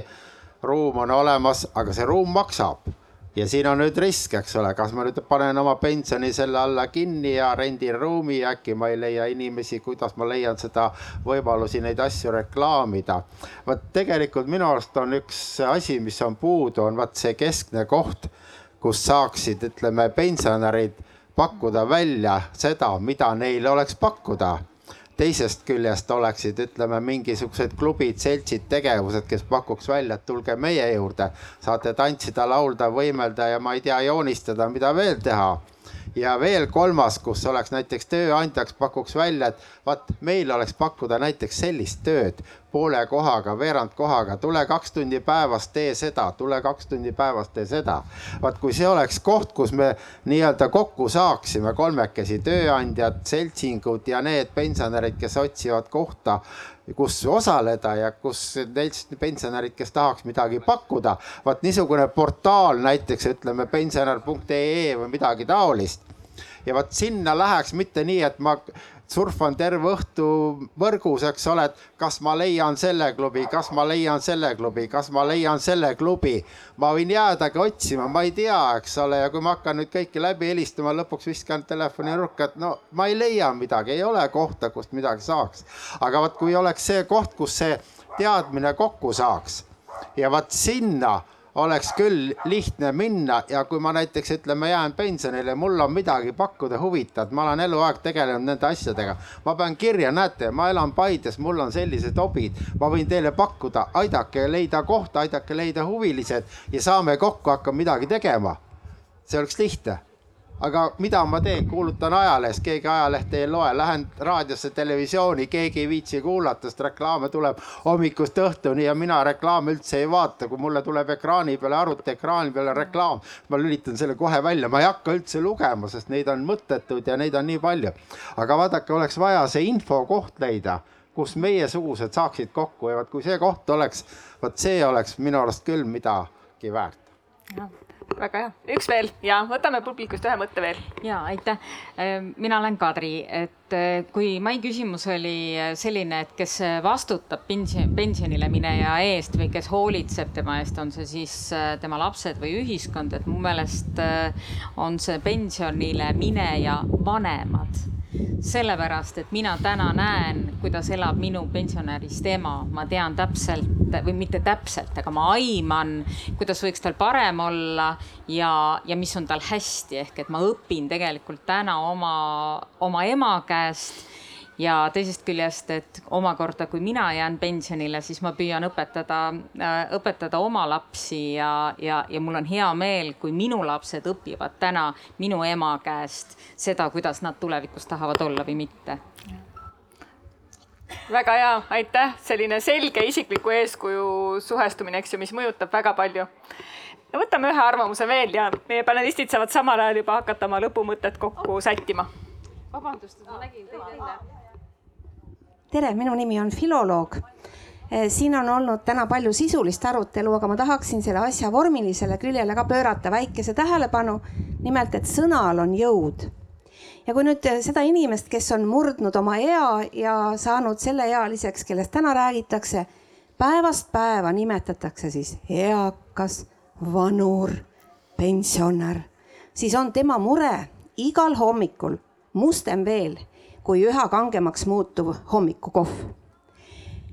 aga kui me paneksime nende inimeste ellu sellise mõiste nagu muretu ja nimetaksime neid muretud, muretute põlvkonnaks, siis näeksid nad neid soodustusi, mis neile pakutakse, olgem ausad, rahamured on suured, aga siiski tasuta asju on küllalt palju ka. ja teiseks, pension ise võiks ümber nimetada lihtsalt kogemustasu, aitäh suurepärased mõtted ja ettepanekud, mis nii hästi toetasid seda positiivset hoiakut, mida me tegelikult oleme täna püüdnud siin äh, hoida. üks konkreetne ettepanek äkki mahub? no kõik räägivad äh, sellest, et noh, et kus käia ja mida teha ja mismoodi ja, aga no mina olen praegu siin, minu nimi on Kai, ma tulen Pärnumaalt ja mina, minu isiklik ettepanek on see, et riiklikul tasemel võiks ühistranspordi korraldust muuta natukene, ma oleks palju suurem kogukondlik üritustest osavõtja. aga näiteks Pärnumaal on palju aastaid olnud päikeseloengu festival.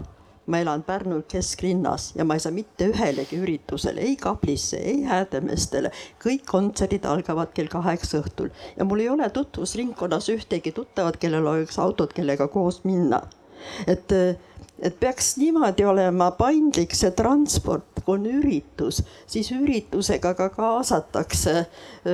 no kindlasti on palju eraomanikke, kellel on kasvõi väikebussid, et ma saan helistada, ma saaksin sellele üritusele minna, ma seal näen neid tuttavaid, tekib kogukonnatunne. ma tahan Tõstamäele teatrisse minna, kujutage ette, ma ei saa Pärnust sest kell seitse tuleb tagasi buss, eks ole, aga etendus algab kell seitse. et oleks äh, niimoodi, et saaks helistada, et ahah, ma tahan sellele üritusele ja siis koguks korra kokku inimesed ja siis käiks nagu selline bussüritus ehk et tõepoolest ka sellise kogukonna tundest võime küll rääkida, aga tõepoolest seda aitavad kasvatada ka praktilised tingimused, mida meil on vaja me nüüd peame panema tähelepanu tagasi siia meie lava peale, meie panelistidele ja andma sõna tegelikult lõpumõteteks. me oleme poolteist tundi olnud selle teema sees, vaadelnud seda erinevate nurkade alt ja, ja vahetanud neid mõtteid erinevatel tasanditel, siis millise mõtte, võib-olla isegi ka soovituse nii tänastele kui ka tulevastele pensionäridele teie tahaksite täna siit lava pealt kõlama jätta?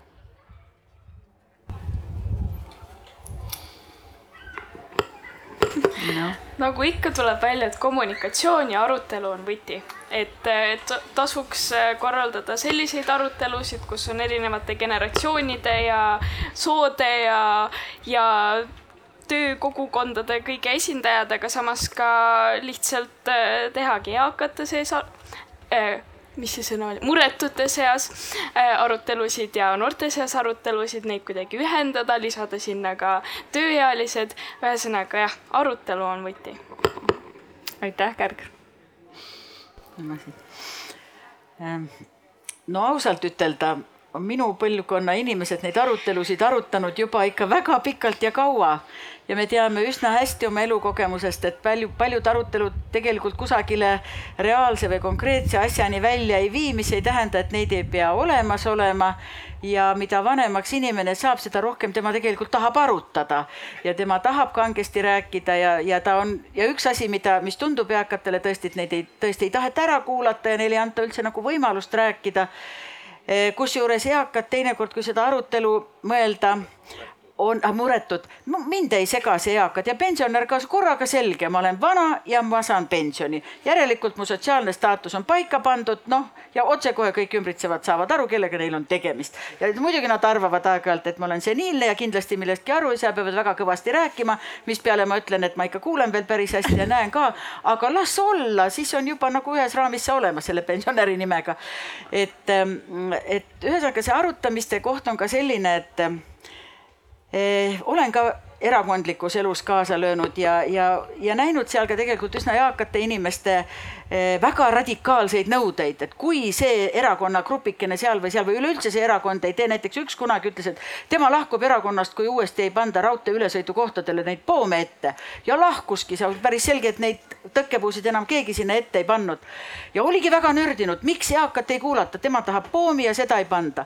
et selles mõttes nagu päriselt õigust ja, ja hooba vanadele kätte anda ka ei tohi, ütlen mina, siis ma ei tea, mis võib tulla. et eh, seal peab ku, ku, kuidagi kuldse kesktee leidma. aga et eh, mis ma tahan öelda, on see, et eh, jah, pension on väike, võib-olla meil ei ole seda sotsiaalvõrgustikku nii palju, kui tahame, aga me peame selles oma staatuses elama, nimetame me seda siis muretuks, kui muretu, siis on meil kerge seal elada, aga kui pensionäris võib-olla ei ole nii kerge. tegelikult me peame leppima sellega, et me oleme sellises eas, meie tervis hakkab ära minema ja me peame püüdma siiski ise teha võimalikult palju selleks, et, et mu oma elu, mu oma ümbrus, mu oma tegevus, mu oma mu omad sissetulekud võib-olla oleksid sellised, nagu ma tahan või vähemalt sinnapoole. et väga palju on tegelikult meie enda teha ja midagi ei ole teha, buss ei liigu, niikaua kui auto tagumiku all tuleb seda pruukida või siis rollaatorikesega minna, igale poole ei pääse. et lihtsalt tõesti ärge, ärge nugrutsege, ärge muretsege, ärge nutke, kui just ei valuta kusagilt, vaid pigem mõelge, kuidas ma selle tänase päeva Eh, saan muuta ilusamaks ja homsema, homse ka ja kergemaks ja kui hommikuvoodist tõusete, siis mina mõtlen mitte seda, et oi, ma ei tahaks tõusta, vaid ma tegelikult mõnikord mõtlen, et saaks võib-olla rutem siia tagasi, et see kiire, täis tihedat suhtlemist ja toimetamist päev ükskord otsa saaks. aitäh selle vaate eest. ja minu poolt äh, lõpusõnadeks äh, selline võib-olla teema, mida me väga sisse ei toonud ehk vaimne pool et tegelikult äh, oma vajaduste juhtimine äh, on see, millega saab õnnelikuks. ehk äh, lisaks sellele, et sa teed igasugu investeeringuid ja asju ja teenid raha ja nii edasi, tegelikult tuleb lihtsalt oma vajadusi vähendada vastavalt sellele, kuidas su võimalused on. ja ei ole mingit probleemi, sest noh, see on nagu budistlik mõte, et, et nii kui sul tekib vajadus, siis sul tegelikult tekib ka puudus, tekib stress ja nii edasi ja haigused ja kõik. nii et äh, rahulikult äh, võtke elu nii, nagu ta on. ja ei maksa nagu jah, see, see muretus on nagu selles suhtes jälle hea, et muretute päevakeskus tekib, eks ju, aga siis, siis jääb ikkagi see ära, et kui need murelikud ei saa kuidagi sinna, siis nad veel rohkem tunnevad ennast võib-olla, et nad ei saa sinna tulla, noh, et siis peaks murelike päevakeskuse ka tegema äkki ja siis kuidagi need kokku viima omavahel. siis neil hakkab koostööprojekt omavahel pihta. ja, ja sealhulgas muidugi koos lasteaia ja kooliga, noh, see oleks nagu ideaalne, kui, kui selles kõige pikemalt päeval äh, koos, kus on noored ja vanad nii-öelda puutuksid kogu aeg kokku ja, ja vanu ei panda kuhugi hooldekodusse metsavarju ära, eks ju, vaid nad olekski osa ikkagi sellest samast elust. aitäh. no minu äh,, minu sõnum on ikka see, et vaatamata sellele, et meil on olemas vanaduspensioniiga ehk see on üks piir, siis äh, seda piiri me ei peaks tõsiselt võtma ja kui inimene siis oma sünnipäeval ületab selle vanusepiiri, siis ta ei peaks äh, saama mingit uut äh, silti külge, on ta siis muretu või veakas või vanemaealine. ja me peaks nägema inimest, mitte tema vanust. täpselt nagu me näeme avaliku elu tegelaste juures inimest, mitte tema vanust. Postimehe peatoimetajaks sai vanaduspensionieas olev inimene. Äh, dirigent Kaljuste on ammuilma vanaduspensionieas, aga me näeme teda, mis ta teeb ja ta ütleb, kui tal on midagi vaja ja täpselt samuti peaks iga inimesega olema. aitäh minul on ka siin lõpetuseks üks mõte jagada ja tegelikult see pärineb sellest samast äh, eduka vananemise raamatust, mida varem oli tsiteeritud ka ja hästi haagib meie kuulajaga ka, kes rääkis äh, sõnade tähendusest ja sellest, kuidas me tegelikult äh, vaatame ja, ja analüüsime ja mõtestame neid protsesse. ja see kõlab nii, et edukas vananemine on areng, lugu, mis tegelikult algab juba lapsepõlves ja vananemist me peaksimegi vaatama kui ainulaadset kasvuetappi pigem, mitte kui languse ja järgle, järgulise väljalülitumise aega. nii et ma arvan, et kui me sellised pisikesed mõttemuudatused teeme juba iseenda vaadetes, siis me oleme juba ka hulk äh, samme lähemal sellele, millist tulevikku ja pensionipõlve me tegelikult kõik sooviksime, kas siis endale või oma järeltulevatele põlvedele minu suur kummardus ja tänu teile, head panelistid, et te täna tulite sellel teemal meiega arutama ja suur-suur aitäh äh, Tartu Ülikooli eetikakeskusele, kes võttis eest ja selle arutelu täna korraldada võttis. ja aitäh teile, head kuulajad, et äh, siin sooja päikese all selle poolteist tundi meiega kaasa mõtlesite. ja ma loodan, et vähemalt mõnegi mõtte ja, ja julge, julge idee endaga siit täna kaasa võtsite. aitäh teile, ilusat Arvamusfestivali jätku. selge see.